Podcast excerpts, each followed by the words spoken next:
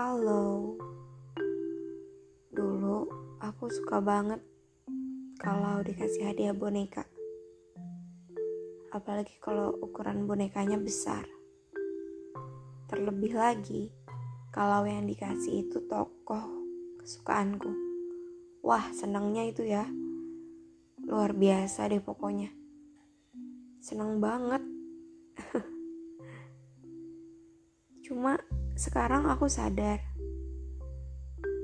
uh, kalau boneka ukuran besar itu nggak bisa aku bawa ke mana-mana. Dan kadang ya yang kita butuhin kan yang selalu ada. Jadi lain kali aku mau dikasih boneka tapi enggak yang berukuran besar. Aku maunya berukuran kecil saja. Yang bisa masuk di tasku atau mungkin seperti gantungan kunci supaya bisa aku bawa ke mana saja. Karena dari situ aku sadar kalau ternyata aku butuh yang selalu ada iya.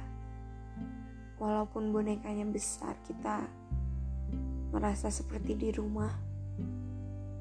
Tapi justru kita semakin banyak menghabiskan waktu di luar rumah. Karena itu yang terjadi ketika kita beranjak dewasa. Ya walaupun sekarang karena lagi pandemi kita lagi di rumah aja tapi situasi kan bakalan berubah gak kayak gini terus. Jadi, ya aku mau mulai nerima aja. Nerima kenyataan kalau aku butuh yang ada. Yang ada kapan pun pas situasi aku kayak gimana pun.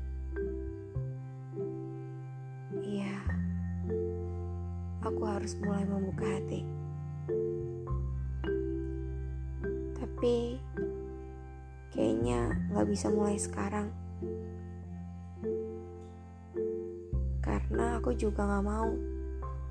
Aku maksa diri aku buat buka hati. Tapi ternyata separuhnya lagi masih tertinggal di masa lalu. Karena itu nyakitin banget nyakitin banget kalau harus mencintai seseorang yang bahkan hatinya saja tak ada di sini.